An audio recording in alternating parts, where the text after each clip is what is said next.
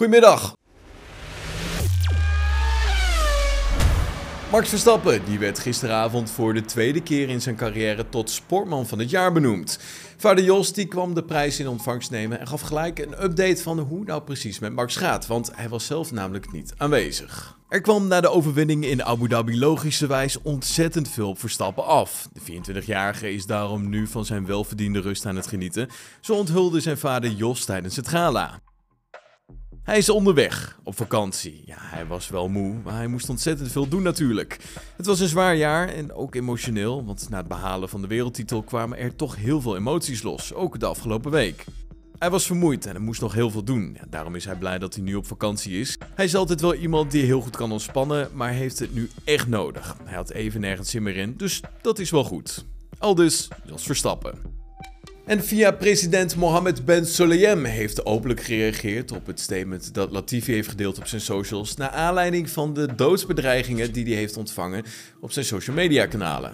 Na de race op het Yes Marina Circuit kreeg Latifi een gigantische hoeveelheid kritiek en haatberichten over zich heen. Sommige fans, tussen aanhalingstekens dan, stuurden de Canadees zelfs doodsbedreigingen. Zo onthulde hij afgelopen dinsdag in een uitgebreid statement. Ja, inmiddels heeft Mohammed Ben Sulayem, die vorige week tot via president werd verkozen, hierop gereageerd.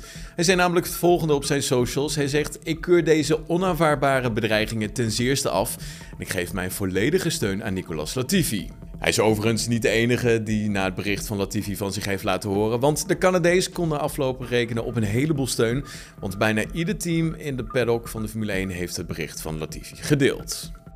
En Fernando Alonso, die hoopt in 2022 hoge ogen te kunnen gaan gooien met zijn Alpine.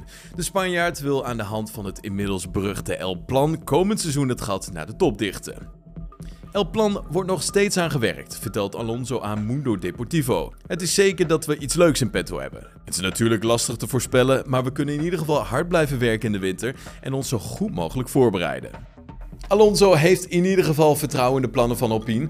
Ja, en hoopt toch stiekem wel dat Alpine een van die teams is die toch wel wat meer uit die nieuwe regelgeving kan halen. Zodat ze misschien wat meer aan de top rijden. Dat was hem dan het nieuws van vandaag. Heb je genoten van deze aflevering? Laat van je horen op onze Apple Podcast pagina of volg ons op Spotify. Zie ik je morgen weer. Tot dan. Hoi.